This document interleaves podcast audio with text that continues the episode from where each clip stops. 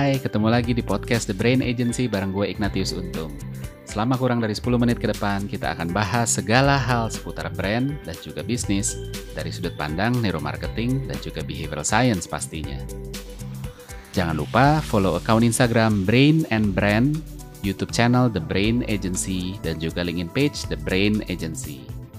Semoga bermanfaat.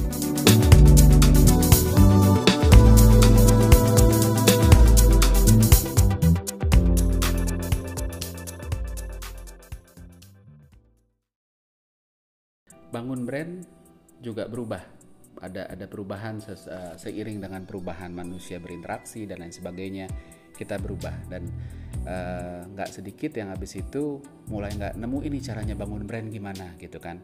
Uh, dulu itu orang berpikir bangun brand itu kan tentang bangun cerita bagus. Udah create yang keren-keren aja gitu kan. Brand apa pun bentuknya. Contoh misalnya kalau saya nggak cuma ngomongin brand secara komersial ya perusahaan kan perlu ngebangun brandnya, employer branding. Nah, employer branding kadang-kadang juga selalu kita taruh kata-kata yang bagus, apa hardworking, customer oriented gitu kan, uh, teamwork gitu ya, uh, dan lain sebagainya lah. Semua yang bagus ditaruh karena dulu orang berpikir bangun brand itu tentang bikin cerita yang bagus gitu kan. Nah, dulu it works gitu. Kenapa? Karena orang nggak punya konsumen nggak punya akses kepada media.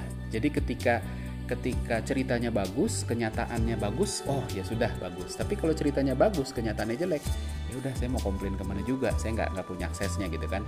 Dan lebih parah lagi bahkan kita sebagai konsumen juga nggak punya aksesnya untuk melihat teman kita tuh sebenarnya juga ngerasain hal yang berbeda nggak sih, hal yang nggak selaras nggak sih tentang cerita dan experience ini gitu. Nah, uh, lebih ini ini lebih complicated lagi ketika uh, ketika kita sadar bahwa tidak semua produk itu bisa diukur secara tangible kualitasnya. Apa pun itu ya kita ngomong pasta gigi gitu kan apa iya benar habis pakai pasta gigi ini terus gigi lebih putih lebih sehat nggak bisa diukur. Sabun juga sama habis ini lebih lembut nggak semuanya bisa diukur gitu kan.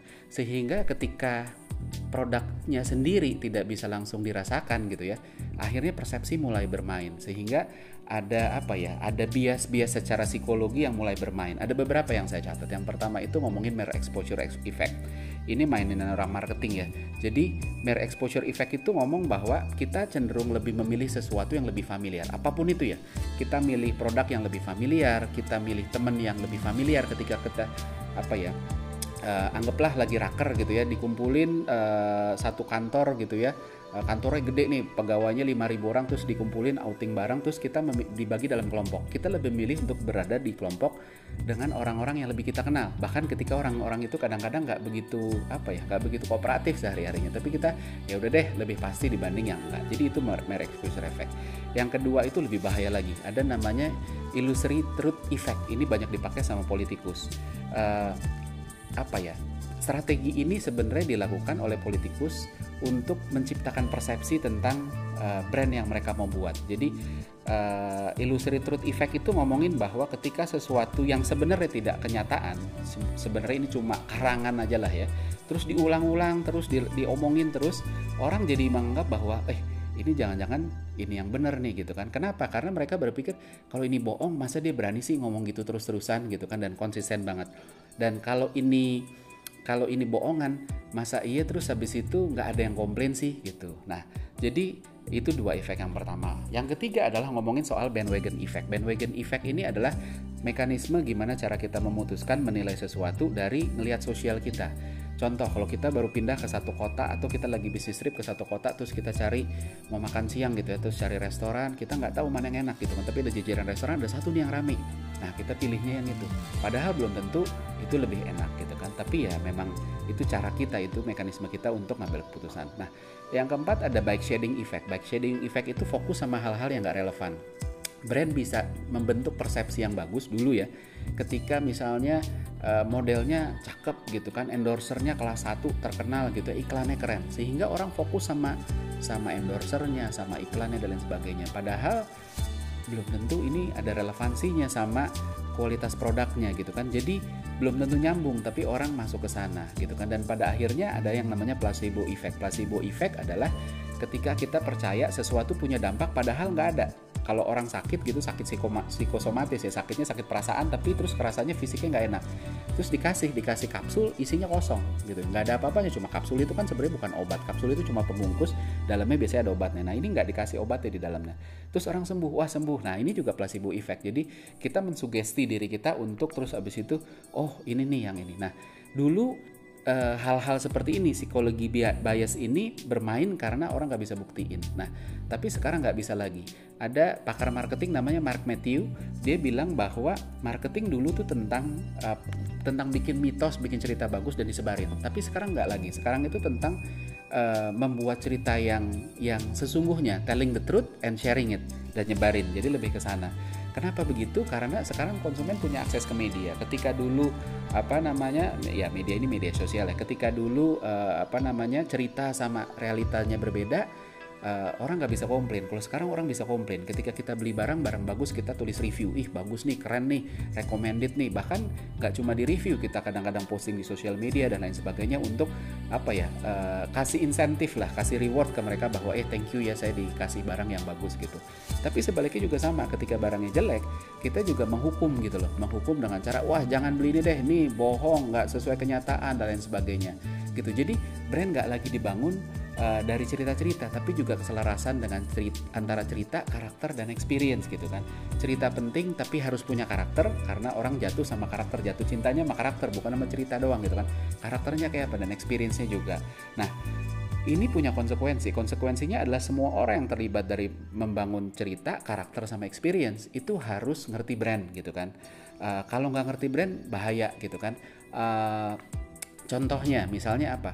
Kalau kita beli hal yang bagus, terus abis itu uh, udah bangun ceritanya bagus, produknya bagus, tapi terus layanannya, tukang yang jualan di toko agak-agak apa ya, agak-agak sombong, agak-agak nggak mau ngelayanin, terus brandnya juga jadi rusak gitu. That's why makanya semuanya ini harus laras gitu kan. Semua orang dari paling atas sampai paling bawah, termasuk apa ya, termasuk driver yang bawa mobil kantor ada brandingannya itu juga harus bagus karena semuanya udah bagus, tapi tiba-tiba supir kantornya uh, nyetirnya uring-uringan. Padahal bawa mobil mobil kantor yang brandnya ada tulisannya udah udah jelas brandnya gitu ya.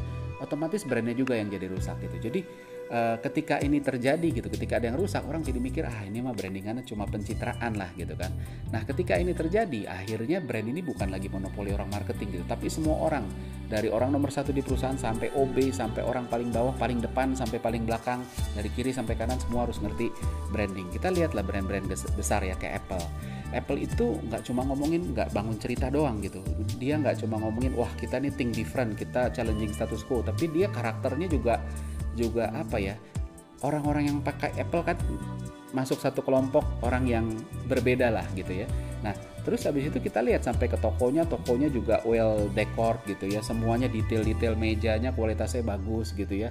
Displaynya bagus pramuniaganya mas-mas mbak-mbaknya kalau datang tuh nggak cari apa bos? Nggak begitu gitu. Jadi mentalnya bukan mentalnya pramuniaga bukan mentalnya pelayan tapi mentalnya adalah mental konsultan. Dia berpikir bahwa saya eh, apa ya konsumen boleh lebih lebih kaya boleh lebih sukses secara karir atau secara keuangan tapi urusan ngomongin soal gadget soal komputer saya ahlinya. Jadi dia nggak nggak nggak apa ya nggak minder gitu uh, itu dia. Disney juga salah satu contoh lagi. Disney terkenal sebagai the happiest place on earth gitu ya. Bukan cuma dongeng gitu kan. Semua detail park-parknya itu dipikirin. Semua orang-orang yang kerja sana dari mulai dari orang yang paling atas orang yang sobek karcis orang tukang sapu orang yang jualan di kantinnya dan lain sebagainya. Semua orang-orang yang ngerti brand sehingga uh, gambaran brandnya selaras antara cerita karakter dan juga uh, experience-nya gitu kan. Nah jadi catatannya adalah brand untuk bisa sebesar itu. Nggak bisa lagi bergantung cuma orang marketing. Tapi semua orang dari yang paling atas sampai paling bawah. Apple bisa segede gitu karena Steve Jobs walaupun bukan orang marketing tapi Steve Jobs ngerti banget soal gimana bangun brand. Nike juga sama Phil Knight itu juga orang yang ngerti soal brand gitu. Jadi ini bukan masalah branding tuh bukan lagi monopoli orang marketing tapi semua di perusahaan